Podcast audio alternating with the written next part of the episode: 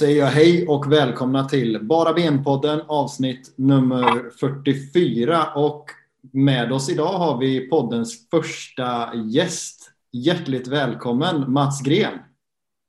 Tackar. Hur står det till? Jo, det är bara bra tack. Kan inte klaga. Ja, härligt, härligt.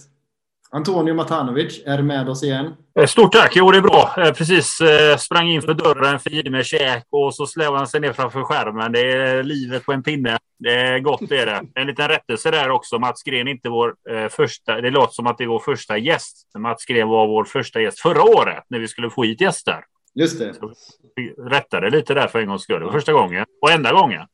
Ja, ja, det tackar jag för. Det var så ödmjukt så. Du skaffar pluspoäng både hos mig och hos frugan förstår jag. Ja, jag måste. Ja. Det är Ja. många som ska bli nöjda. Det, jag kan inte hålla på och borta från podden för länge. Och nu, Ja. den är, jag får se, se när jag skrikas där nere, lille man vaknar. Just det. Christian Olsson, hur är läget med dig? Jo tack, det är bra. Det är bra. Hur är det själv Daniel? Det är, det är bra, det är bra. Tack som frågar. Eh, Men vi kör så här. Eh, Mats, du har fått eh, information från Antonio vad vi ska prata om. Och vi dyker direkt in i att panelen ger sig på att tippa allsvenskan, eller topp fem och de som åker ur då. Topp, ska vi ja, det, kan ju, det låter ju saftigt. Du kör topp fem verkligen? Topp Ja, vi kör topp fem. Topp fem, okej. topp fem och vilka som åker ur. Eh, Ja. Försöker vi hålla oss eh, lite korta då, Antonio? Ehm, Olsson, vill du, eh, vill, har du eh, lust att börja kanske? Eh, nej, det har jag väl inte egentligen. Men eh, jag eh, tror att eh, Djurgården tar det i år.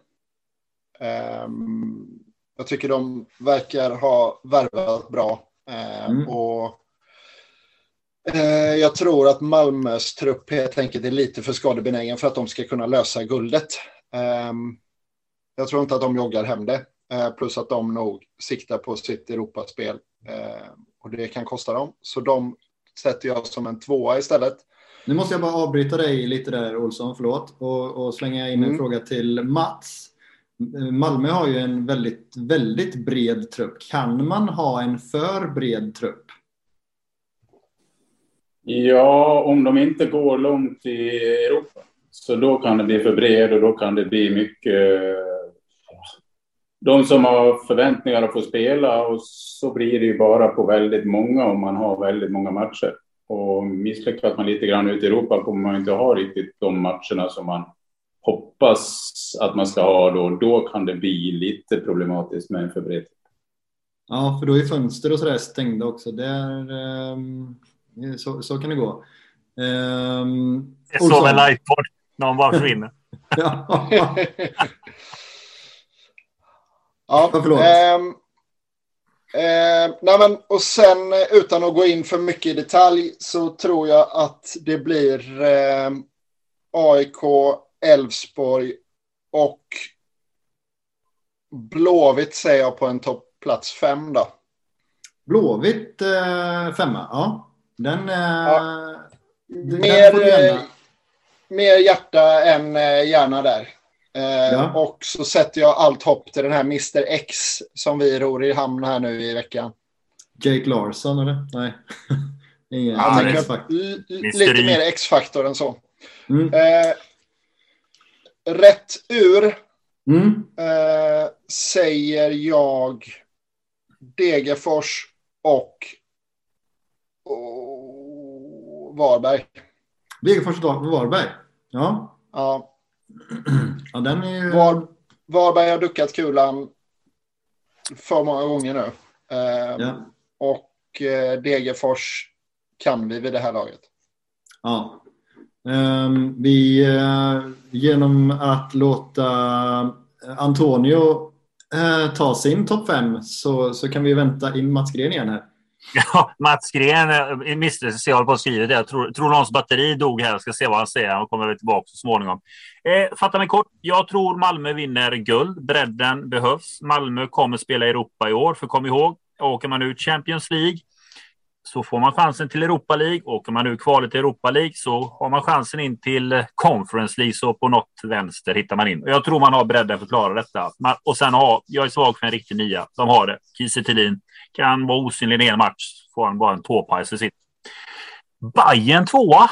Där är min chock. Jag tror faktiskt att Bayern tar eh, stora kliv i år. Eh, bra nyförvärv, stabilare ekonomi, kommer inte chansa lika mycket på unga jokrar utan satsa mer på spel och bästa, bästa elva. Nahir Besara gör det riktigt bra. AIK 3 Djurgården 4. Eh, jag tror inte Kim och Tolle kommer kunna hantera fullt ut profilstarka namn som då bland annat Viktor Edvardsen. Det är en smekmånadsfas i början, men du kan inte mm. som Viktor Edvardsen sticka in i Stora Valla till sportchefen och säga hallå där, jag heter Viktor, nu kör vi så här, funkar inte med Kim och Tolle. Det blir liksom dörren är där borta, stick grabben. Det blir dålig stämning där uppe på Kaknäs och Kim och Tolle är ju experter på det. Någon gång blir det negativt. Det blir det nu. Mm. Djurgården 4. Elfsborg 5. Och, och de som åker ut är, håller med, Christian Olsson. Degerfors åker ur i år. Vi har läst dem. De har tappat spelare också. Eh, Edvardsen var också en sån kille som gjorde skillnad för Degerfors. Jag tror inte Nikola Djurdjic orkar på samma sätt. Sundsvall ut sen. Sundsvall Linus. Alenius, eh, Linus Alenius borta. Han är viktig för dem. Så jag tror Sundsvall mm. åker. Ja. Och nu, eh, Edvardsen ska ju vara speciell eh, och ha att göra med generellt har man hört. Nu vet inte jag om du... jag har ju hört, hört rykten om Edvardsens löneanspråk när han skulle bli senior. De var inte blyga, men det var du som var chef då Mats, va? Var det så? Ja, Viktor, Viktor kom upp då och eh, alltså löneanspråk, ja det är klart att det, det är många som har mycket när de tar steget upp men eh, vi hade väl känslan då att inte Viktor var nog bra för att ta steget upp i, i A-lagstruppen. Så det är därför vi släppte honom. Han har ju tagit den långa vägen. Ja, verkligen. Ja, han har blivit långa vägen för han har ju ja, innan han nu gjorde det bra i Degerfors så kan man väl inte säga att han har rosat marknaden direkt. Det kan man väl inte säga. Jag, jag, jag måste... Tvåan va? Ja, Karlstad är två. Mm jag, jag, måste fråga dig Mats, om vi är inne på Viktor Edvardsen-spåret. Jag har min teori. Vi hade Mac Lind här som gäst eh, förra avsnittet och han pratade om att han tror att Viktor Edvardsen som spelare kommer kunna anpassa sig till Djurgården. Han har blivit mer professionell. Han kommer respektera hierarkin. Kim och Tolle är de som är cheferna och att han kommer liksom anpassa sig i den miljön. Jag är den, mer i den tanken att Edvardsen har kommit till en miljö nu där ja, han kommer absolut växa in sig i en roll att det, det det är en annan klubb, det är en större klubb, det är mer regler än vad i Degerfors. Men en sån profil som Viktor Edvardsen, som är en person som säger vad han tycker, gör vad han tycker och vill gärna ha åsikter. En sån profil för mig är ju en sån som blommar, som får vara lite fri, en åsiktsmaskin. Jag tror ju mer att under ett ledarskap som tränare, som Kim och Tolle, som gärna har en starkt ledarskap. Jag tror han kommer få svårt, Viktor Edvardsen, att hitta rätt i att vara Viktor Edvardsen och att passa in i klubbens profil. Jag tror att eh, som, han hade gjort det mycket bättre i Bayern om jag ska hårdra det än vad jag tror att han kommer göra i Djurgården. Vad tror du Mats? Eh, men jag är faktiskt precis din mening. För jag, jag tror också att eh, Viktor kommer få det jobbigt i Djurgården. Det tror jag. Så, så som jag känner dem också väldigt bra liksom. Och jag, jag vet ju lite grann hur, ja, hur allt är upplagt och så här. Alltså, min känsla är väl också lite grann att han kommer att få... Eh, han behöver ha lite frirum och han behöver ha lite för att kunna vara den spelaren som han är. Och jag tror att måste han anpassa sig för mycket och vara precis inne i en, en, en box så att säga där och så tror inte jag att han kommer att kunna blomma, blomma ut och vara den spelaren som man hoppas på att han ska, han ska bli. Mm. Det tror inte jag. Han är väl ingen klassisk nia direkt egentligen? Nej, ligger han, ligger han längst fram där och, och nej, han måste få röra sig fritt. Han måste få komma ut på kanten, han måste få falla ner lite, han måste komma med lite fart, han måste få bolla på fötterna.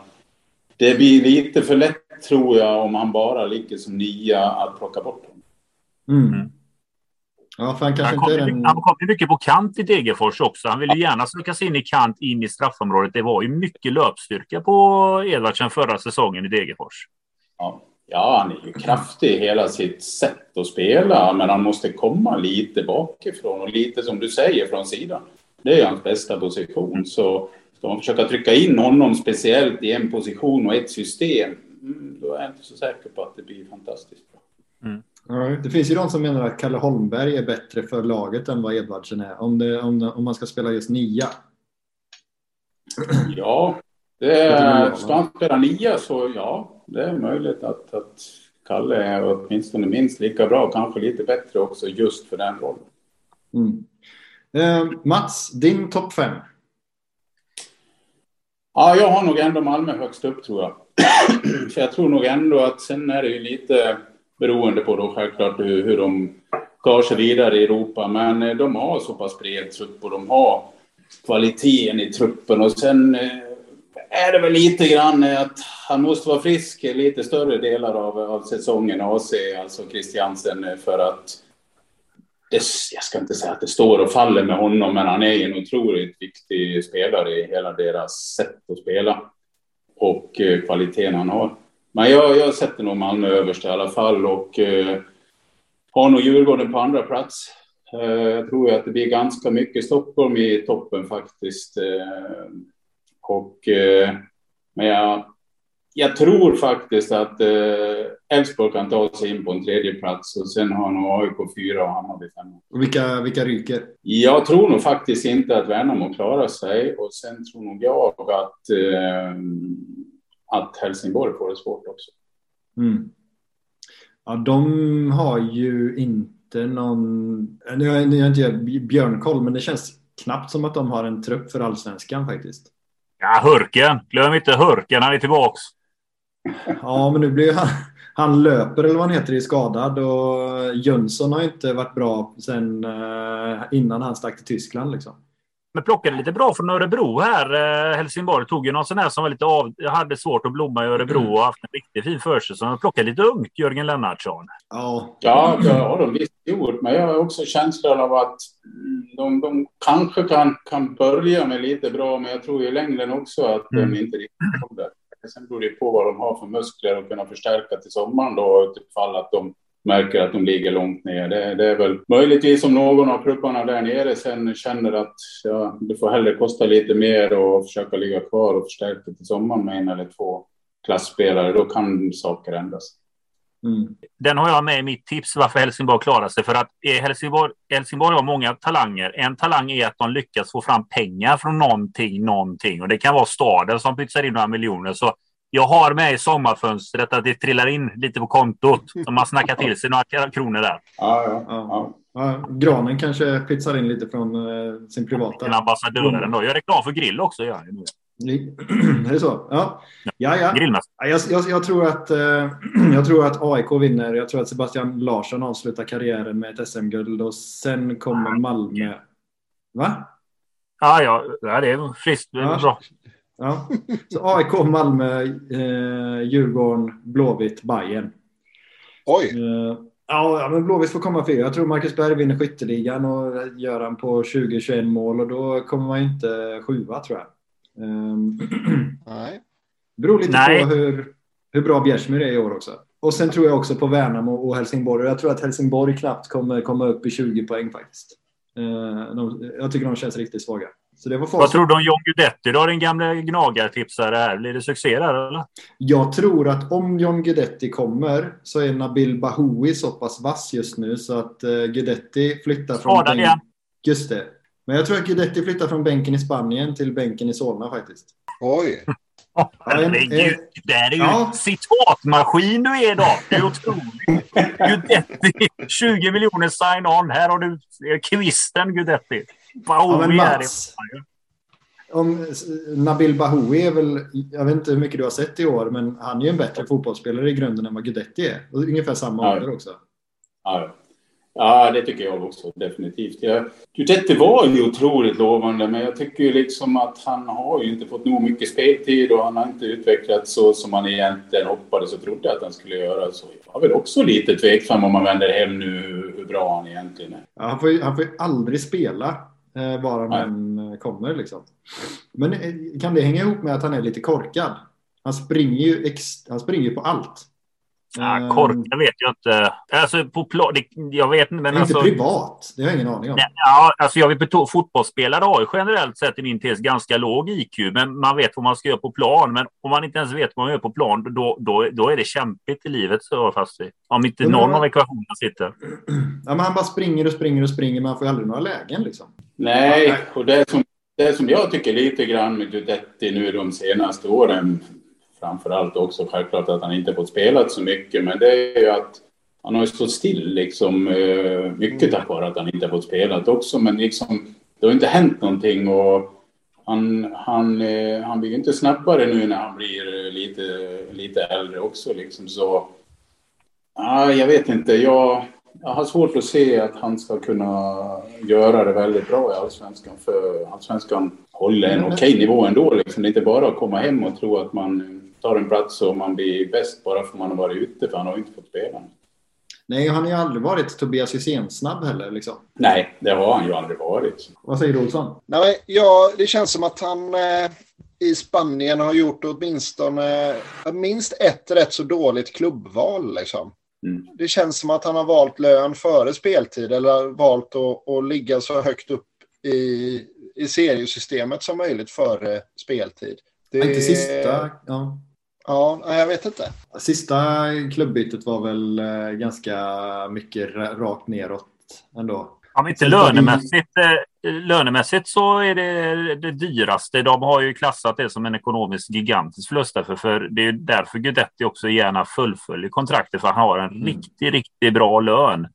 Eh, som är svår att bryta. Jag menar, det finns ju en anledning, tror jag, till att inte AIK har presenterat honom ännu. Det, det är ju lönebiten här. Den är, annars han skulle ju varit klar. Eh, jag menar, eh, Expressen och Aftonbladet har ju själva sagt att affären är färdig, men det är ju tyst. Än så Mm. länge.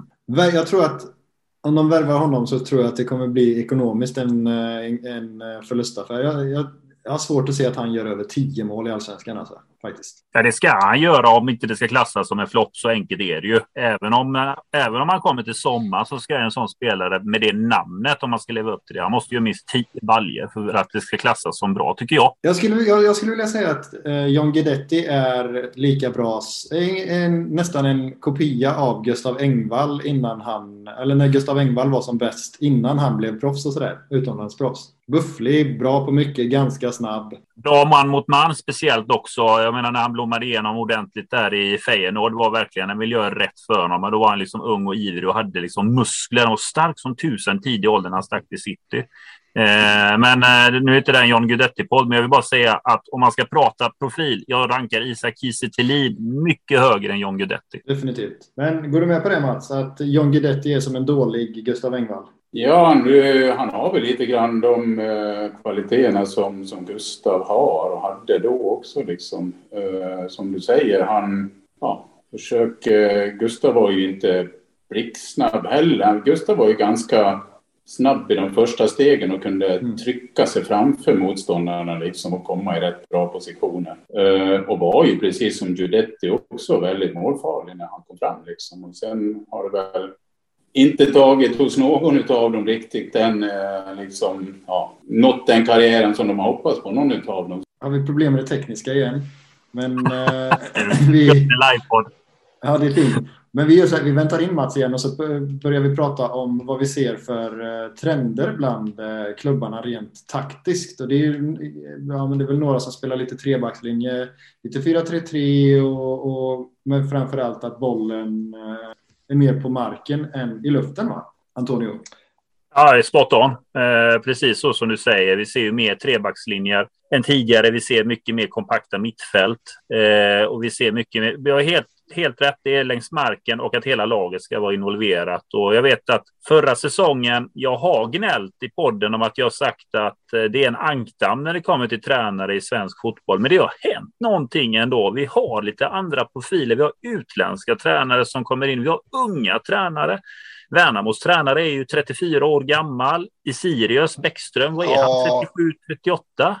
Något sånt, ja. Fast är inte Värnamos tränare bara liksom en handdocka för eh, Jo för, att en, jo, för att en viss person inte vill ta licensen. Jo, det är sant.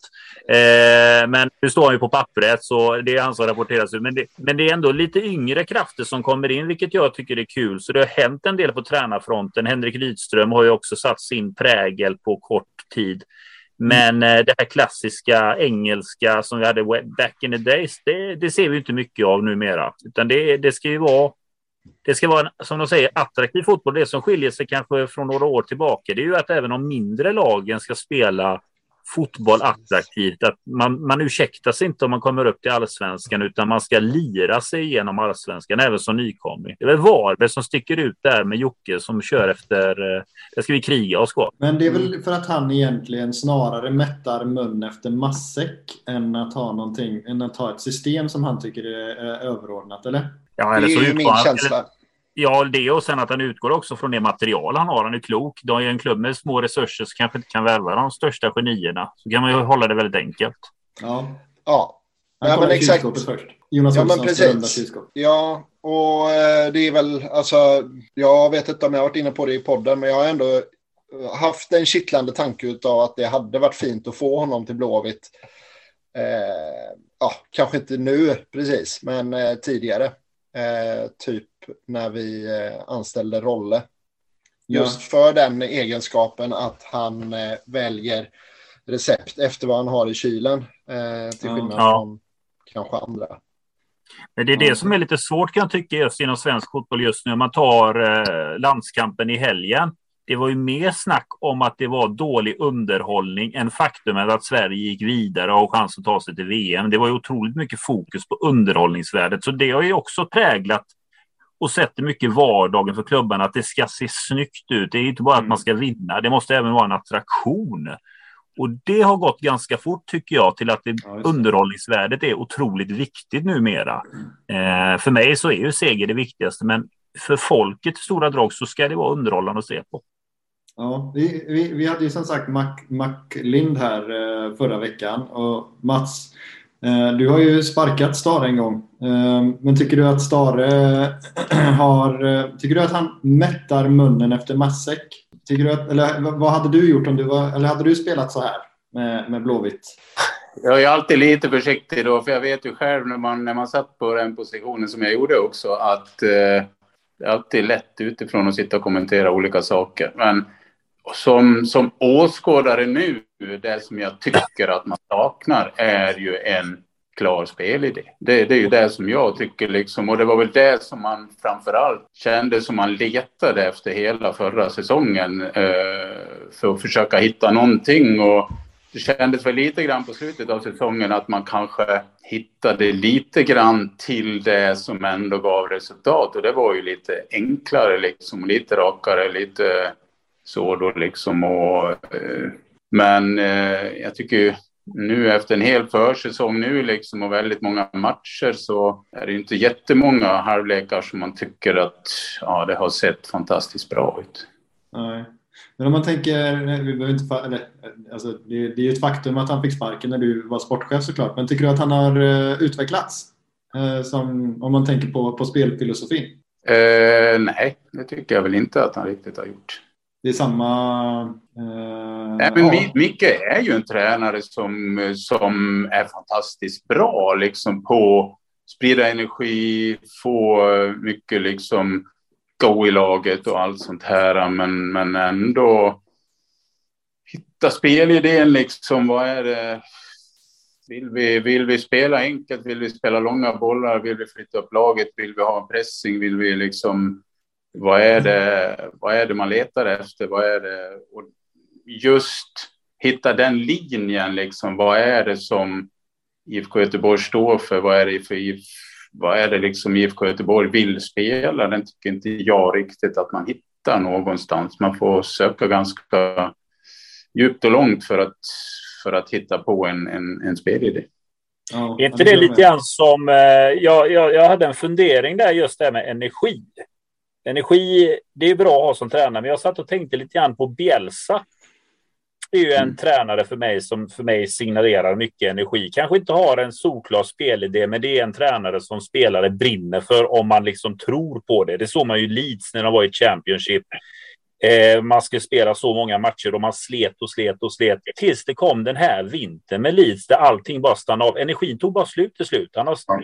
Mm. Jag, jag funderar på den teorin att om en tränare lever enbart på, alltså nu, förlåt, krass nu, nu säger jag krass. Om energin är den fram, största tillgången man har så kan det ju bli den effekten att truppen brinner för sin ledare för att han tillför så mycket energi. Men finns det inte en risk att brintiden tar slut? Att någon gång tar även orken slut? För, eh, om, om Stare skulle vara en sån, att då, då, faller allting bara platt. En sån, en sån tränare måste ju vara svårt att ha långsiktigt i en klubb. Alltså jag tänker fem år fram. Utan att det är mer någon som ska boosta upp det och få fart på det. Sen måste grunder sättas. Någon idé? Jo, men det är precis det jag menar lite grann att eh, det går inte att bara leva på och köra, nu kör vi liksom energi och allt sånt här hur länge som helst. Utan under hela den här processen så måste man ju få in en spelidé och ett spelsätt så att liksom man ser det, det här Blåvitt står för, det, det här Blåvitt vill spela, om det nu är en, en rak och enkel fotboll eh, eller, eller om det är possession eller bara om det är hög press. Eller, det måste man ju bestämma. Liksom. Det är mm. ingenting som, som kanske jag ska sitta här och säga det här är det man ska spela eller någonting, utan det är ju helt enkelt en, ett vägval man, man, man måste göra också för att, för att utveckla laget och utveckla truppen så att man hela tiden tar ett steg. Ja, och man kan, man kan säga mycket om eh, Pojas tid i Blåvitt, men det var i alla fall tydligt vad, vad, vad han ville med, eh, med, med sitt spel ju. I jämförelse ja, med nu liksom. Den, eh, sen kan man ju ja, tycka det ena eller det andra och sen kan det ju gå till överdrift och man, man rullar för mycket och det blir för mycket i sidled och det, det finns ju alltid sådana här saker man man hela tiden måste jobba på och anpassa för att få det som, som blir bäst liksom, eh, i den spelidén som man vill ha. Var det för mycket sidled under Poja? Ja, man hade kunnat spela lite rakare. Det hade man definitivt. ja. Eh, men nu när vi ändå pratar, nu när vi ändå pratar om, om, om, om din tid i Blåvitt, eh, Mats. Nu har ju Blåvitt gjort en, en rokad. Det finns ingen sportchef längre. Nej. Vad och du har ju suttit på, på de stolarna också, de som Mild ja, eventuellt då sitter på nu. Vad, vad var svårast med att dubblera liksom, klubbchef och sportchef? Alltså det problemet som jag fick, vilket var egentligen idiotiskt dumt i efterhand av mig att säga ja till, det var ju att liksom säga ja till två jobb som båda var typ 150 procent. Och det, man tappar ju självklart någonting. Det som jag tappade var ju sporten mest. Bara för jag hann ju inte vara ute som de första två åren var jag ute och tittade på jättemycket spelare och matcher och scouting och allt det här. Och den, den tappade jag helt. Och sen tappade jag också att vara ute på träningarna lite oftare. Liksom, eller då när jag hade båda så var jag ute på träningarna väldigt sällan. För det, hundra andra saker som dök upp liksom med personal och det var ekonomi där och det var liksom massa möten och så skulle man vara med som klubbdirektör på en massa andra möten liksom. Så det är väldigt svårt att kombinera. Det var det ju definitivt och inget, egentligen inget bra, bra val av mig att säga ja där, men man är ju alltid efterklok.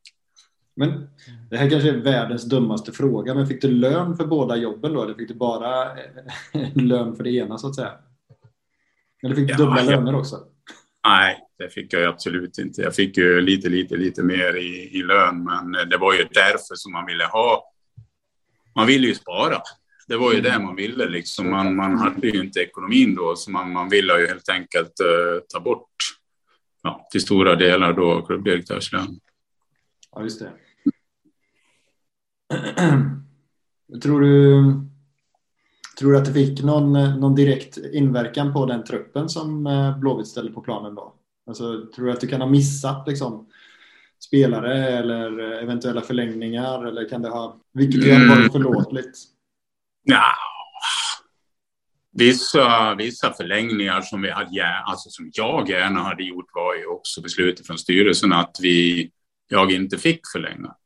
Liksom under tiden där då, för man visste inte riktigt hur budgeten skulle se ut. Och där tappade vi väl en hel del spelare som, ja, som alla inklusive mig, gärna hade förlängt med. Från Sören Riks till Thomas Rogne till Mats Albeck till, ja, det var, det var ju väldigt många där då, som, som försvann ganska så precis samtidigt. Mm. Men eh, annars vet jag inte. Det, det blev säkert en del eh, värvningar som inte blev perfekt bara för att inte hade haft den tiden heller och vara ute och scouta precis lika noga som vi gjorde första två år. Oldrup Jensen till exempel. Förlåt, vad sa du? Oldrup Jensen till exempel. Ja, det också. Nej, det var ju flera stycken, herregud.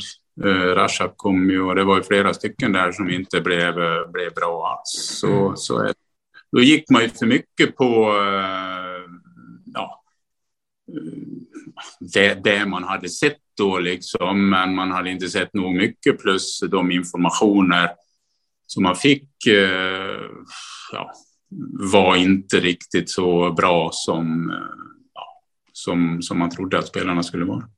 Mm. Men det mycket, spiders, mycket spiders på den tiden, Mats? Förlåt, vad sa du? Att... Tittar ni mycket på sådana här spiders som alla ska titta på nu, hur det ser ut, eh, egenskaper spelare har? Ja, vi började ju titta på det då också. Liksom, vad, är det vi, vad är det vi är ute efter och så här. Och det, vi fick ju mycket sådana där möjligheter att titta in på. Det, det började ju komma då mer och mer. Jag vet ju att några klubbar har hållit på med det mycket längre, liksom. Från Midtjylland till Brentford till dem då, liksom, som har utvecklat det där också. Men eh, för och nackdelar, jag tror ju ändå i slutändan, liksom de spelarna som man hittade i början där från Alisami till som man var och tittade på kanske sju gånger upp i Fredrikstad och pratade med honom två gånger innan vi tog hit honom. Och då var man inte dösäker ändå. Så så de, de hittade vi inte något mer, liksom, bara för att man inte hade tiden att vara ute. Mm.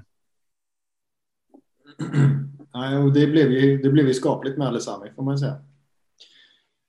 Ja, var ganska det blev okej. okej, okay, ja. Um, um, vi pratade lite om trender och sådär i, i Allsvenskan och vad vi ser eh, nu inför den här säsongen. Och vad, vad, vad ser du för trender i svensk fotboll, Mats? Om man tänker taktiskt. Ja, eh, det som jag saknar lite grann i svensk fotboll, vilket jag inte riktigt ser nu heller, är ju att man vågar liksom kliva upp med hela laget, sätta en högre press, liksom Eh, eh när man tittar även på stora lagen ute i Europa, när de väl bestämmer sig så är det ju ja, då, är det, då är det stenhårt jobb, alltså in i pressen och, och man kliver med hela laget. Liksom. Det ser man inte i... Det kan bli lite som jag säger, det kan bli lite forechecking av några, men man kommer ju inte med hela laget. Och det tycker jag är lite synd. Liksom. Ja, man klarar ju inte av att spela så i 90 minuter, det är ingen som klarar av. Men att man har det liksom och kan använda det bättre än vad, vad man gör nu i, i någon klubb. Liksom. Den, den, den saknar jag verkligen. Vilken klubb tycker du har kommit längst i det då, även om det är en brist? Jag tänker på Bayern var ju två, tre år tillbaka den hösten. Där de ju öste in mål. Lite den, för då tyckte jag att man kunde se att det var hela laget var tok där uppe. Sen ja. har det försvunnit lite grann. Det var ju Billborn som hade det, men mm. Finns det någon klubb som eh, går lite åt den riktningen som är lite nära? Jag tycker väl inte riktigt det nu, även om, om jag tycker att med de spelarna som flera av klubbarna har, även offensivt, sen måste ju också försvaret vilja kliva med. Mm. Och då, då betyder det ju också att det är viktigt att ha snabba försvarare så att de vågar kliva upp och är bekväma med lite bakyta bakom sig, liksom, så att de inte känner att ja, de vill absolut inte ha liksom, en lång boll in bakom sig för det blir löpdueller eller någonting sånt. Den är ju viktig då, men, men samtidigt måste man ju ha de här spelarna längst fram som, som också är kloka för att du ska kunna spela en, en hög pressing. För det är det liksom, går den första in i en hög press och blir bortspelad direkt, då, då faller allting. Mm. Så det gäller liksom att, um, att du har kloka spelare, de första som går in i en press och sen att de andra, resten är ju ganska lätt egentligen att träna positionsmässigt. var man ska befinna sig och vart man ska styra dem och hur man ska pressa och så. Är Bodö Glimt bättre på detta? En gång till, förlåt. Är Bodö Glimt bättre på detta? Är det receptet som gjort att de sticker ut i Norge och deras framgång? För de öser in mål, såväl ligan, Europa, små resurser, men har bara fokuserat på taktiskt spel och utveckla spelet och det är tokoffensiv. Jag vet inte om du har hunnit se någonting av dem, men jag är lite nyfiken just om det är den typen av fotboll vi pratar om. Ja, lite grann. Lite mm. grann så, ja. För de, eh, de är ju inte... De spelar absolut inte med handbromsen i direkt, utan de, när de har bestämt sig så går de ju allihop. Och eh, är man bestämd och sen missar man ju alltid någon gång, men har man kloka spelare då så tar man en frispark. Och så händer ingenting istället, för den frisparken lite högre upp på plan blir ofta inte straffad med ett gult kort eller någonting om man inte gör det dumt. Så mm. det är saker där man sitter och, och, och tittar och försöker träna in och få så behövs det ju också verkligen spelartyperna till det. Annars blir det svårt att göra det. Mm. Vad ville du säga Olsson? Nej, men jag är inne på att de här snabba konstgräsplanerna som vi ser i Sverige nu eh, på ganska många håll, att det är svårt att spela den här typen av spel, eller det är svårt att ha det modet när man spelar på en snabb konstgräsplan där bollen går så himla fort. Ligger det något i det, Mats? Ja, det har du också rätt i. Bara för att det är självklart eh, lättare att komma in i pressningssituationerna lite högre upp om du spelar på en lite långsammare, lite trögare gräsplan då. Det, det, har du helt rätt i. Att det, det, är lite, lite svårare. Det är det definitivt på konstgräset. Um, när det kommer till uh, sådär, försäsong och uh, att liksom tajma in de matcherna på ett bra sätt. Nu finns ju Svenska cupen också sedan ganska många år tillbaka som blir en naturlig del av försäsongen såklart. Men um, Ehm, tänker man mycket på själv, att bygga självförtroende? Eller tänker man mer på att man vill ha tufft motstånd när man planerar det där?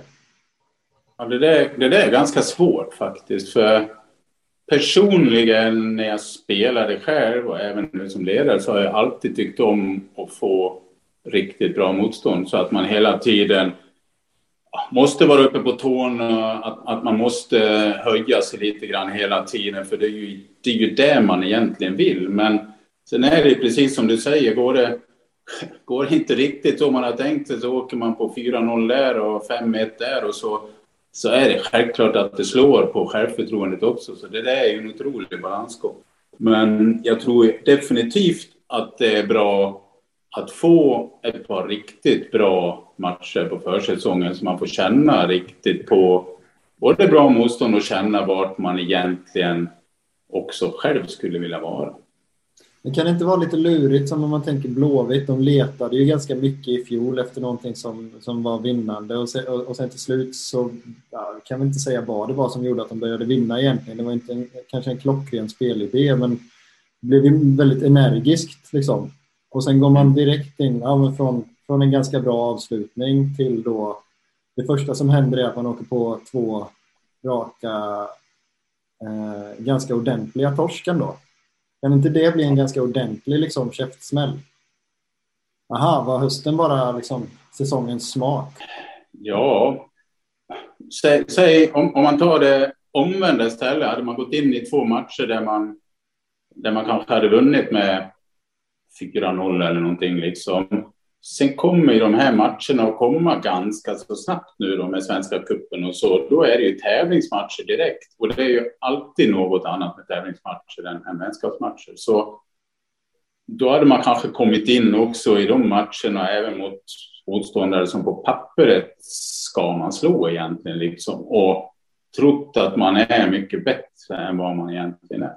Så ja, det, det är aldrig roligt att förlora många matcher på raken och framför, inte, inte med mycket mål. Då. Eh, men det ska ju inte slå så snabbt på självtro, självförtroende. Det ska det absolut inte göra, för då är det något annat som inte stämmer. Mm. Men hur farligt är det att liksom, med nöd och näppe ta sig vidare från en så pass svag grupp som eh, Blåvitt ändå hamnade i? Det är två lag från Superettan och Mjällby liksom. Det ska man ju nästan ha nio poäng. Ja, det var väl det man hade hoppats på från början och sen kanske då få en hemmamatch i, i kvartsfinalen också då liksom. Så ja, det, jag har ju sagt det nu också. Jag, jag tror ju att starten för Blåvitt nu är otroligt viktig i allsvenskan för att man också som, som vi är inne på lite nu, att man, att man ska tro på det, man får självförtroendet, man får energin, man, man blir inte liksom ängslig när man går ut på plan, man är inte liksom rädd att göra något extra. Allt kommer ju lite grann med, med vinster, med, med poäng, eh, att, att, man, eh, att man vågar lite mer också hela tiden. Och skulle man få en dålig start som man fick förra året liksom, och höll, höll det ju i sig väldigt länge sen också. Mm. Då, man, då man verkligen ja, fick slita ett tag för att hålla sig borta från, från strecket. Och då kommer ju dessutom den här, för jag tror att får man en stark start så har folk snart glömt att det inte finns någon tydlig eh, spelidé. Ja, um, definitivt. Resultaten även i truppen, liksom, även i laget och på, på läktaren och allting, det gör otroligt mycket. Liksom. Även om man då som fackmänniska ser att det, en, att det flyter inte, liksom. men kommer resultaten så, så tror ju alla på det mycket mer och helt plötsligt så brukar det ju flytta sen istället då, fast man kanske inte vet varför. Just det. Vad, vad tror eh, Anton eller Christian? Vad tror du att man kommer börja hoppa på bristen på spelidé vid eh, två raka förluster i allsvenskan? Hänger, jag tror att det snacket löst vet jag inte om man hänger efter två matcher, men alltså om förlorar vi på söndag så kommer man börja prata om dålig spelidé eh, i minut 85. Liksom. Mm. Det är Värnamo hemma i premiär, vinner vi inte det och det ser knackigt ut, då, ja, nej, då, då riskerar ju den diskussion, diskussionen att hänga med hela året egentligen. Mm. Vad tror du Antonio? Ja, men det är ju alltid så med en tränare. Jag menar, om Poja förlorar premiären, ja men det är för mycket possession, det är för lite anfall. Om Rolle förlorade premiären så var det, ja, det är för defensivt och tråkigt. Och förlorar Stare här, så ja, men då är ju ingen spel i det. Det spelar ingen roll om Trapattoni hade suttit där så hade vi gnällt om någonting. Absolut att det kommer gnällas och det är lurigt är det. Eh, vi har, jag, jag skulle nästan vilja ha lite stats på det, men min känsla är generellt sett att möta en nykomling i hemmapremiär, det är en mardröm. Alltså man vet inte vad man har dem. Jag är livrädd. Men det är väl klart att, jo, men, jo, jo absolut. Men om man då tänker liksom Poja, det, var man, det påbörjade man ju någonting nytt. Och det skulle vara possession och man var nästan ja, med på första att... Okej. Det, det, ja. det, det, det känns ju tålamod, det håller jag med om. Ja, precis. Det var ju senare man började ifrågasätta tålamodet ju. Jo, men Stare har varit här innan också. Det är också det ja, som är skillnaden. Men ja, det kommer vara mycket snabbare. Det, kommer, det är klart att det kommer hugga lite snabbare. För återigen, sen Poja fick gå och Rolle kom in så var ju klubbens kommunikation följande. Nu är det fokus resultat, fokus resultat. Mm. Men det som jag inte är riktigt säker på det är att okay, de, de, de, har klubben sagt att vi, helt ärligt, jag får inte en riktigt grepp om vad som är vår sportsliga målbild. Det, mm. det några säger att ah, tätt bakom topplagen och de säger att ah, vinner man så är man ju med där uppe. Jag vet inte riktigt själv vad klubben vill, men eh, jag tror, ja, ja, jämförelsevis med Poja så kom, skulle det gå dåligt i början så kommer det blåsa mycket. Eh, mycket mer, men eh, jag tror inte det kommer blåsa lika mycket som gjorde som mot Rolle. Där blåste Nej. det ta mig tusan rejält. Ja, det gjorde det ju redan under hösten nästan. Trots att han räddade kvar eh, laget. Ju. Men... Jo, men en gubbe med keps kanske inte säljer biljetter kontra en som ger energi. Säger ju sen gammalt. Jag vet inte. Det är en analys här från soffan. Inget fel på keps. Men, äh... Jag älskar keps. Ja, du har ju keps ju. Ja, så är det. ja, precis. Ja, men, ja, men precis. Och, och, och sen så tänker man ju då på det här med, med, med supportrar och så vidare. Och vi är, inte, vi, vi är inte där för att vara rimliga liksom. Men om man då tänker, vad, vad, ska Håkan Mild gå och förmedla till spelartruppen? Nu förstår ju jag också att det inte är han som ensam bestämmer vad, vad man ska sikta på. Så Men vad, vad, vad, borde han liksom sjösätta för satsning? Vad, vad ska han stå för? Är det topp fyra eller är det topp åtta bara? Vad säger du Olsson? Eh, alltså, någonstans, eh, vi behöver ju bli bättre än vad vi var förra året. Alltså vi behöver ju ta steg. Vi kan ju inte säga topp åtta egentligen. Nej. För då, då, då nöjer vi oss någonstans. Vi behöver ju se en utveckling. Eh, så ja, men topp sex eller eh, eh, tätkänning eller kalla det vad du vill. Liksom. Men det, det måste vara bättre än över halvan. Mm. Eh, för det löste vi förra året. Det är klivet det. redan klart. Nu ska vi ta mm. nästa kliv då. Motanovic, du gillar ju att sparka in dörrar. Om du lånade Håkan Milds skor och sparka in dörren till omklädningsrummet, vad hade du ställt för krav på truppen? Oj! Ja, nej, men först och främst, vi slutade ju åtta förra året. Vi var 12 poäng efter femman. Tittar man på våra tips här, som vi fyra har sagt, så är det bara Daniel Andrén som har sagt att Blåvitt är med topp fem. Övriga vi tre har ju sagt samma. Ah. Så du har topp fem också? Ja, ja. Två? Ja, det är otroligt ja, ja. ändå. Eh, 12 poäng upp.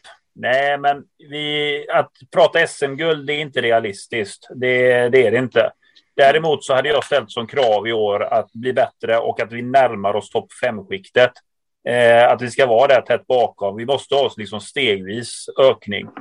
Eh, sen efter det nästa år kan man prata Europa, men det är så jädra rätt. Vi har ju en punkt där, alltså, det är också vilka ska spela och vad ska vi sälja? Vi, det är en tuff situation, men landar vi femma i år tycker jag det är en jätte, jättebra prestation.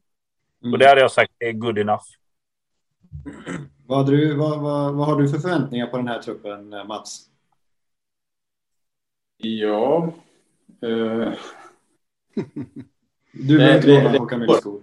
Du, du, du får vara ärlig, Mats. Det är helt okej okay, på ja, Det är jag. Alltid ärlig. Det, men det är svårt. Jag, jag mm. kan ju tänka mig att internt har man en målsättning.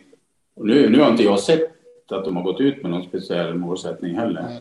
Mm. Eller de har inte gjort det än. Men oftast så brukar man ju gå ut med någonting i alla fall och det är lite konstigt att det inte har kommit. Jag vet inte om frågan överhuvudtaget har ställts till någon och de har undvikit den frågan. Men jag skulle ju tro att målsättningen internt är högre än vad den kommer att vara om det nu kommuniceras utåt. Skulle jag mm. tro. Jag tror internt så är det ju bland de fem bästa, det är jag ganska säker. Men du, när ni hade den truppen som ni hade, när, egentligen Jörgens första säsong men också Stares sista säsong. Vad, det måste du ju ha förväntat dig i alla fall ett SM-guld. Ja, det är ju alltid det, är det här som är lite svårt. Hur starka är truppen om vi går ut och säger ja, nu ska vi vara med och spela SM-guld. Och sen är man inte riktigt där, jag faller truppen ihop då? Eller är de starka nog? Är de mentalt så starka så att de klarar av att hantera det? För det blir ju självklart mycket mer. Men vi, vi gick ut och sa att vi, vi ska komma på en av de tre Europacupplatserna. Mm. Och sen, sen kan man ju alltid tycka att ja, det är klart, första säsongen för, för, för Jörgen vi ledde ju med otroligt många poäng i, efter tio omgångar ju liksom. Mm. Och spelade ju med om SM-guldet ända, ända in i sista matchen. Så det är klart att den, det året var en stor, stor besvikelse för alla att vi inte tog det. Eh, definitivt. Ja, men även och, året, eh, in... ja, men även året ja. innan. Jag, menar, jag tänker på trupperna. Det som Blåvitt hade var ju mm. otroligt slagkraftiga. Ja. ja, men det var det verkligen. Då hade man eh, väldigt många bra spelare. Man hade en bred, bra trupp. Liksom det, eller liksom, hade man en eller två skador så var inte det en katastrof överhuvudtaget. Liksom, även om det var kanske två eller tre av de bättre spelarna så hade man så pass bred trupp som man kunde... Ja, man hade ett nog bra lag i alla fall. Så det, det var det ju definitivt. Uh, truppen var ju också dyr då. Det får man ju lov att säga. Mm. Ja, men för jag menar, nu kommer jag inte ihåg vilket år det var, men jag menar Filip Haglund gick ju skadad en hel säsong i princip och han saknades ju inte. Så han var ju, han var ju enormt bra innan skadan ju. Ja. Eh, det säger ja. ju någonting om... Eh, var du besviken över att det inte blev något SM-guld? Ja, alltså 14 var vi väl inte riktigt med. Vi kom ju tvåa 14 också, men där var vi ju inte riktigt med och slogs om guldet kände jag, utan vi var ju. Vi jobbade oss upp på hösten och kom närmare och närmare, men vi kom ju aldrig riktigt tätt in på. 15 där var ju jättestor besvikelse på att vi efter en fantastiskt bra inledning då vi nästan inte släppte in mål överhuvudtaget. Jag säger fortfarande inget, inget ont om att Hjalmar tog Rognes plats, men Rogne var ju outstanding då. Hade mm. han inte fått korsbandet så är jag 100 säker på att vi hade tagit det SM-guldet. Det är också. han var så pass, han var så pass ja, outstanding i, i allt han gjorde tillsammans med Bjärsby och Gustav då som spikade igen där bak. Så det är små marginaler ibland, men eh, det är klart, och även nästa år, eh, sen 16, hade vi en bra trupp, men då, då lyckades vi inte riktigt få till det och då kom vi väl fyra till slut. Mm. Ja. Men Rogne var väl, alltså det är ju nästan det bästa man har sett den våren där. Ja. Det var ju löjligt han, han var grym. Var det du som hittade honom Mats? Ja, och det var, det var en liten anekdot där, en rolig grej bara för att. Berätta. Ja, det där, där eh, vi skulle ju ha in en till mittback och eh, jag hade ju sett, jag var ju över till Wigan också och träffade Rogne, såg han spela i en match där med reservlaget. För han fick ju inte plats i Wigan då, han ville ju absolut flytta på sig och han ville ju otroligt gärna till Göteborg. Mm. Så när jag var uppe i Oslo för att titta på en annan spelare, då flög Thomas faktiskt in ifrån England. För att träffa mig en gång till. Så att vi kunde sitta och prata och han riktigt, ja, man, man fick ju den liksom, ja, den, den där otroligt bra känslan av en bra kille, eh, otroligt professionell, men som verkligen vill För han vill också, han vill någonting, han vill vinna någonting. Mm. Men sen, sen blev ju nästa lilla anekdot då var ju att jag fick jobba ungefär i tre veckor varannan dag på Jörgen för han ville inte ha Rogne. Varför då? Nej, han tyckte inte på Rogne. Åh fan. ja, fick... Men sen, sen hade, när Rogne kom så det gick det fem dagar. Sen kom Jörgen till mig och så sa han, ah, jag lägger mig platt. Du hade helt rätt. Jag måste, jag, måste, jag måste fråga, när du, alltså, nu ser jag ju er två där, liksom, eh, du vet, Jörgen stampar in till kontoret. Han, han, han, känns ju jävligt envis, Jörgen. Och det är lite armarna i kors när du börjar surra. Det, det måste ju varit ett, alltså du, du, du är envis som betade på det, för Jörgen måste ju hugga tillbaka ganska friskt där va? Ja, ja. Nej, men jag, jag själv var otroligt övertygad om att det kommer att bli också som typ, som ledare, men även som spelare, då var jag så jäkla övertygad om att det kommer att bli fantastiskt bra och att det kommer att passa bra in i vår trupp. Ja, så Rogne, det är, jag, jag bara studsar till när man hör honom. Det är otroligt vilken mittback innan nu skadeproblemen. Alltså det var, det var toppklass. Alltså det var otroligt att se honom. Det var ah, det är så lugn och trygg. Alltså man visste ju att det är Rogne där, det löser sig. Som målvakt måste det vara dröm att ha en sån kille framför. Ja, för han var ju som du säger lugn med bollen, men han var ju jävla pondus i luftrummet också. Mm. Han tog mm. och när han, när han bestämde sig för att gå så var det ju 100 procent. Så det var. Ja, ja, det var, det, det var, ja, fan alltså vilken spelare. Um, men han var inte någon junior. Uh, och så tänker jag, uh, Blåvitt har ju uh, ändå en del ganska duktiga junior killar nu. Um, hur, hur ska man resonera där? Tycker, eh, tycker du Mats? Och sen så ska ni andra också få frågan. Men alltså, är det 100% bästa laget eller kan det vara värt att eh, spela eh, juniorer bara för att ge dem liksom värdefull matchtid men också öka värde och hålla dem lite extra nöjda liksom? Det är, en fruktansvärt svår balansgång. För liksom, tränaren har ju pressen på sig. Vi sitter ju och säger det själva. Börjar de dåligt så kommer nu vi kritik direkt. Mm. Och, och, det är klart att spelar du, spelar du flera juniorer samtidigt så kommer det ju att svaja mycket mer. Det kan mm. vara uh, riktiga ups and downs. Liksom. De kan ju spela mm. fantastiskt bra emellanåt, men sen kommer de ju också ja, vara riktigt dåliga och, och, och, göra misstag och allting sånt där. Så jag, jag tycker ändå att det, det bästa är ju att man ska alltid spela de elva bästa, säger jag. Och sen måste man alltid vara lite klok ibland om man har väldigt många matcher. Då måste man ju rotera på truppen, för annars kommer det att bli skador, missnöjen, det kommer inte att fungera. Men eh, och slussa in några av dem som man verkligen tror på. Att de får komma in och de får chansen liksom i en kvart där och en halvtimme där. Och, och gör de det bra och sen också våga spela med dem från start någon gång. Men man ska nog helst inte då innan någon har fått kanske fem, sex, sju matcher från start låta mer än en spela åt gången från start. Liksom. För det, det, då brukar det bli mycket mer svajigt och det förstår jag tränarna också att de inte alltid är så jättepigga på. Mm. Men om man tänker, det var du som var sportchef när David Moberg, ja, var va? När, när DMK eh, blev A-lagsspelare. När man då liksom går in till, till huvudtränaren och påtalar att ja, men den där killen eh, borde du spela. Det, det, är liksom, det var väl lite grann det också. Al-Hassan fick ju också vänta ganska länge hos Poja innan han kom in. Mm.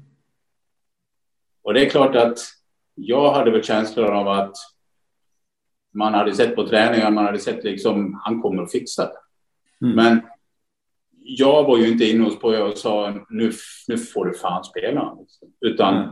tränarna måste ju bestämma det själva. Liksom. Sen kan man alltid ha en diskussion, sen kan man alltid det beror på hur högt i tak man har också, hur mottagliga tränarna är för det. Liksom. Och, men det är klart, ska spelarna utvecklas och ta de kliven så måste de få, till slut måste de få spela, måste få förtroendet också utav tränaren och känna att ja, nu får jag en chans, gör jag det halvdant så kommer jag inte att spela på fem matcher. Utan att, att, man, att man känner att ja, jag gör en okej okay match i 60 minuter, sen går jag ut, men jag, jag, jag är med nästa match igen sen.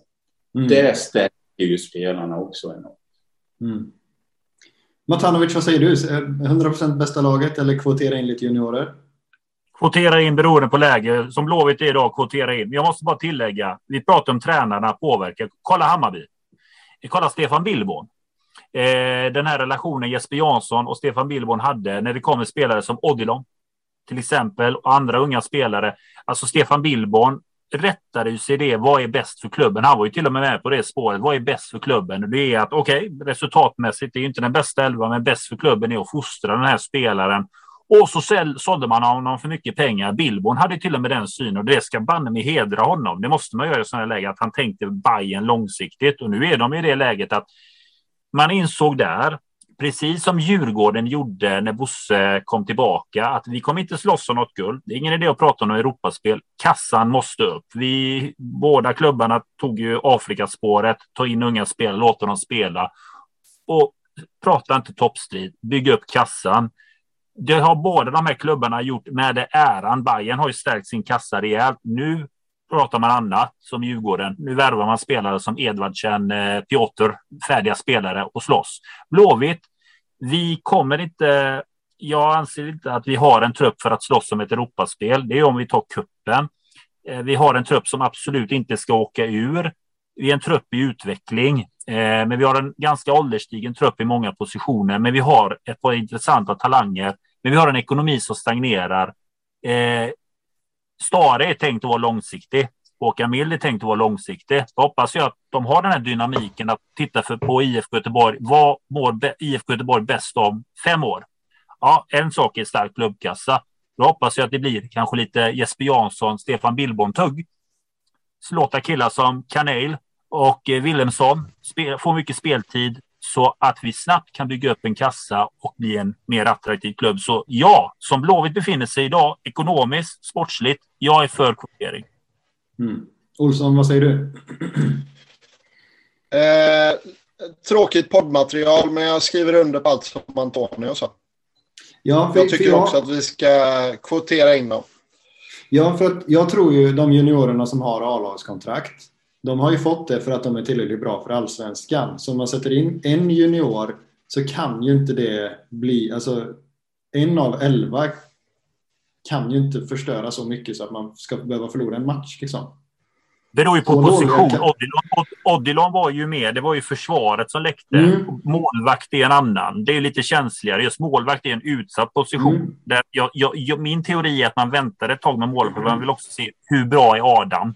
Är han mm. redo? Men han, och sen tog man in Werner, nu tog man in han. Och det är bara över ett år med option, så förhoppningsvis kanske de tänker att Adam tar kliv i år så att han kan stå nästa år. Annars kör de optionen på han. Ja, för jag, jag, jag har svårt att se att en junior som har ett avlagskontrakt med IFK Göteborg skulle förstöra så mycket så att man förlorar matcher på grund av, på grund av honom. Det, det har jag svårt att tänka mig. Men man får väl inte A-lagskontrakt för att föreningen vill vara liksom, snälla mot dem. De får väl det för att de är tillräckligt bra. Eller Mats? Ja, definitivt. Nej, du har helt rätt i det. Jag säger, sa ju det förut också, att en spelare, eh, en yngre spelare, det, det är också bra om man försöker bygga in eh, en spelare i taget. Liksom. Men eh, in, inte flera stycken. Det, det, jag ska inte säga inte flera stycken, men det blir svårare om man försöker bygga in flera stycken samtidigt. Ja, för annars är det ju systemet det är fel på. Ja, nej, det, det, är klart. Blåvitt måste ju också få fram juniorer för man, man har ju inte den ekonomin. Man måste också kunna sälja spelare. Så enkelt mm. är det. Så då, då måste man också öppna upp dörrarna och låta dem få chansen. Men nu i år så har ju Wilhelmsson, han har ju haft sitt genombrott förra året hävdar jag. Um, om du skulle sätta ut 11 man, eh, Mats, skulle du räkna Wilhelmsson som junior eller som färdig A-lagsspelare? Nej, men alla matcherna som Wilhelmsson hade förra året så skulle jag inte räkna honom som junior i år. Det skulle jag inte. Även om andra året brukar ofta vara det som blir jobbigast. Jag vet ju det själv, första året när man kommer, även när jag kom till Blåvitt, nu var det hundra år sedan nästan, men så så var det liksom första året flyter bara på. Man tänker inte, man spelar bara och sen, sen börjar det komma liksom ja, lite högre krav och lite kravställningar och lite annat och så här. Och, eh, därför är det ju andra året är alltid tufft, men jag skulle inte se honom som junior. Nej, absolut inte. Han är väl dessutom rent objektivt truppens näst bästa anfallare. Det måste han ju vara. Um, Sorga. Så jag kan inte riktigt... Ja, men det verkar inte är väl som... svår att döma ut den. Ja, men jag tänker eftersom att han suttit på läktaren liksom, i cupmatcherna så känns det ju som att eh, han ja. eh, har en bit kvar. Ja, ser man det krasst så på liksom vilka laguttagningar och vem som har fått chansen och så, så ja, så ska ju Wilhelmsson vara den, eh, ja, den rena anfallaren då liksom. Det beror ju på om man hellre vill spela med en mer hängande bakom Berg, då blir det någon mm. annan spel. Men, men, men, eh, men funkar det att spela med, med, med en släpande bakom Berg? För Berg faller ju naturligt så himla djupt själv. Då får man nästan ingen striker. Nej, det beror på. Det beror på lite grann också vad man har för spelartyper på kanterna. Mm. Om de ligger väldigt brett så då blir det ju inte bra. Men eh, om, om de kan ta ett steg in i banan och lite offensivare och ytterbackarna kommer utanför och fyller på efter kanterna, då, då kan det funka. Eh, mm. Om man har som är lite, ja. Men, men självklart måste även en som, som är lite mer tia, om Sanna skulle spela den rollen bredvid, bredvid Marcus och Berg där framme så kommer han att spela lite bakom. Men, men då kräver det också att även Sana tar djupledslöpningar. Annars blir det alldeles för enkelt mm. att mm. läsa. Ja, det väl, skulle väl ta ett tag att få Sana att börja gå i djupet på det sättet. För det är väl inte... Det är ju det är ganska mycket timing som ska in där också. Ja, och sen löper man ju otroligt många gånger utan att få bollen. Mm. Och det tror jag inte riktigt är Tobias grej heller. Liksom. Sanas grej. Det tror jag inte. Nej. Nej, han är bra på mycket, men kanske inte just löpa i onödan. Nej, precis. Eh, Antonio, du vill prata om eh, arenor, ser jag. Det står på eh, agendan. Vad, ja. Hur hur är frågan? Ja, det är ju det där hur, var och när har Blåvitt en egen arena? Eh, om Blåvitt ska ta det egna spartaget, ta det egna initiativet, så har jag inget datum. Det Nej. finns inte ens nära. Grejen är den att det här är en fråga som kommer upp ganska ofta på sociala medier. Vi måste ha en egen arena, vi måste ha en egen arena. Jag tycker det är bra att det diskuteras, men vi måste förstå det. Vi är inte nära att äga en egen arena. Vi är inte nära idag. Och vi är inte nära om fem år. Nej. Först och främst då bygglovsansökan jättelång tid. Men jag ska förklara kort varför. Alltså att om Göteborgs stad väljer att bygga en ny arena, då är vi nära. Då kan vi liksom ställa krav till eh, kommunen eller till staden och kanske ta över driften om tio år. Men om vi ska äga en arena och driva den så måste man förstå att IFK Göteborg kan inte se ut som IFK Göteborg gör idag. Det funkar inte för att Håkan Mild ska köra mina kompisar jobba lite hårdare på KG så går han till marknads eller den kommersiella chefen och säger att nu ska du även driva en arenafråga. Det är inte så att han jublar, han går in i väggen. Det, det krävs en helt till organisation att driva en arena. Mm. Den dagen vi ska prata en arena i IFK Göteborg så vill jag att vi inte ska bara tänka på sittplats, ståplats, här går jag på fotboll. Och jag vill poängtera, jag är inte inne på konserter nu så inte jag får falangen efter mig att det är någon nöjesarena. Men en arena är mycket saker att tänka på. Det går att skapa events, det går att skapa konferenser, det går att skapa eh, saker för sponsorer, det går att skapa events innan en match. Malmö är ganska duktiga på det, eh, mm. men dock tycker jag krasst en för liten arena. Men de har, de har sidointäkter utöver fotbollen. Ska man driva en arena räcker inte fotbollen. Du måste ha någonting mer. Du måste ha. Det kan vara gym, det kan vara konferenser, det kan vara event som driver det och får det att gå runt.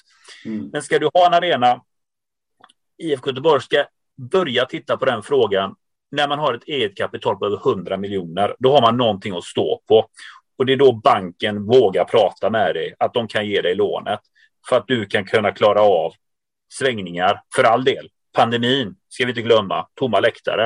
Eh, de som ägde sina arenor där, de mådde ju katastrof. Klubbar som bland annat FC Köpenhamn. Men jag vill bara döda debatten och säga det, alltså att det är ingen idé att tänka på en arena i kort sikt. Eh, först och främst måste IFK Göteborg tillsätta en utredning. Vad krävs för att vi ens ska kunna ställa de frågorna och kunna gå framåt? Vad behöver vi ha för ekonomisk grund att stå på? Just nu så är det, det, det är taget ur luften. Men först måste klubben bestämma sig. Hur ska vi växa ekonomiskt?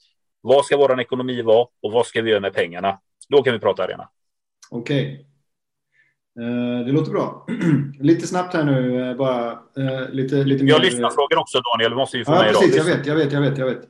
Men jag vill bara höra om Mats tror att det kommer någon Mr X i år.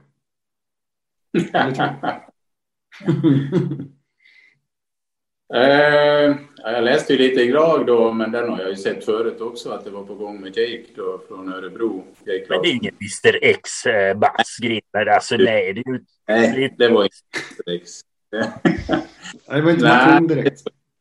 Nej, jag tror, jag, jag, tror inte att man är i närheten av det.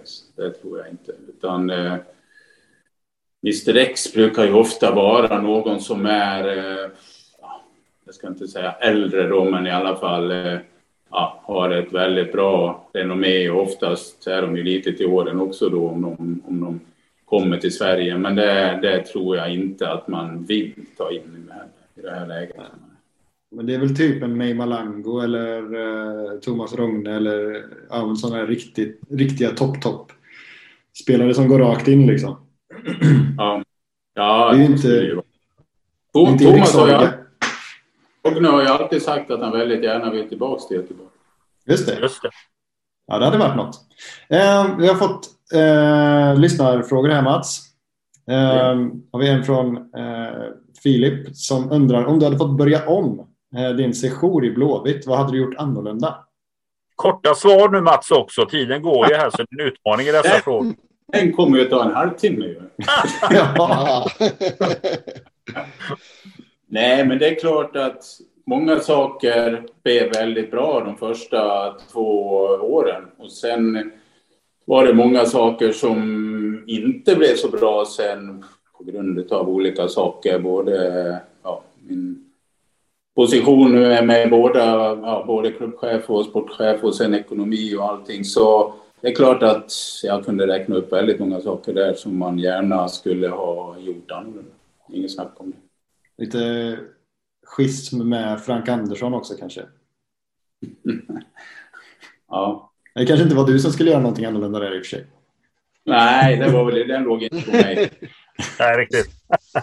um, vad tror du om en eventuell managerroll för uh, Micke Stare? Ja, jag sa ju det direkt när det blev så här Pontus gick att nu kommer det att bli en, en managerroll för Micke och en halv klubbchef, halv sportchef på, på Håkan.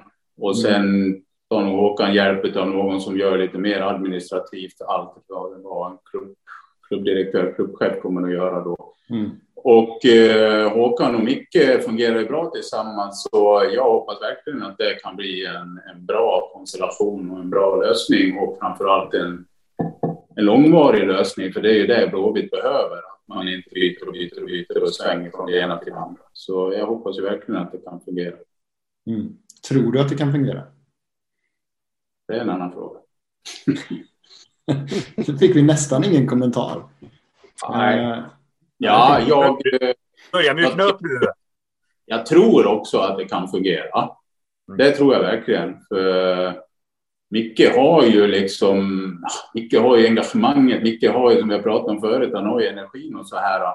Det som jag skulle gärna se då är ju att Micke får någon bredvid sig som också kanske driver lite mer träningarna mot en, liksom, en spelidé och så, liksom, som ofta en managerroll innebär att man kanske också tar ett litet halvt steg tillbaka ute på träningsplanen. Mm. Han sitter som Alex Ferguson lite grann, tittar ut genom fönstret eh, och ser, det ser trevligt ut där och så är man manager. Ja, för har man, har man någon sån person som verkligen har energin och drivet och, och kör det, då är det jäkligt bra. Liksom en sån manager. Men då ska det ju vara någon då, precis som du säger, som Ferguson också, han hade ju de som skötte träningarna. Sen la de upp det tillsammans, men de var ju taktiskt väldigt duktiga och drev träningarna väldigt tufft och hårt. Mm.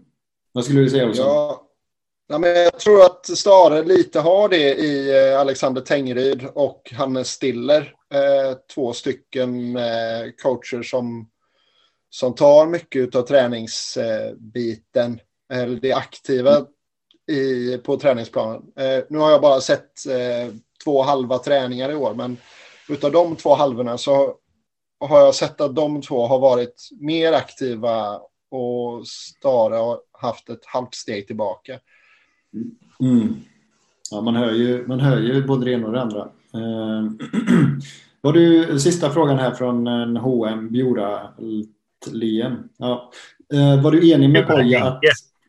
Ja, Tjurhenke ja. Uh, var du enig med Poja att stänga fler uh, träningar?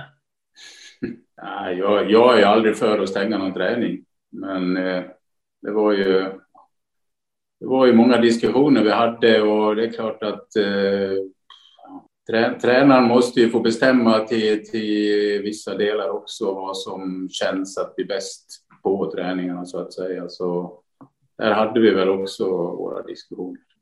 Då säger vi tack så mycket till eh, Mats Gren för att du ville ställa upp och vara med och vi säger tack för att eh, eh, ni har lyssnat. Eh, på återhörande. Ha det gött! Ha det!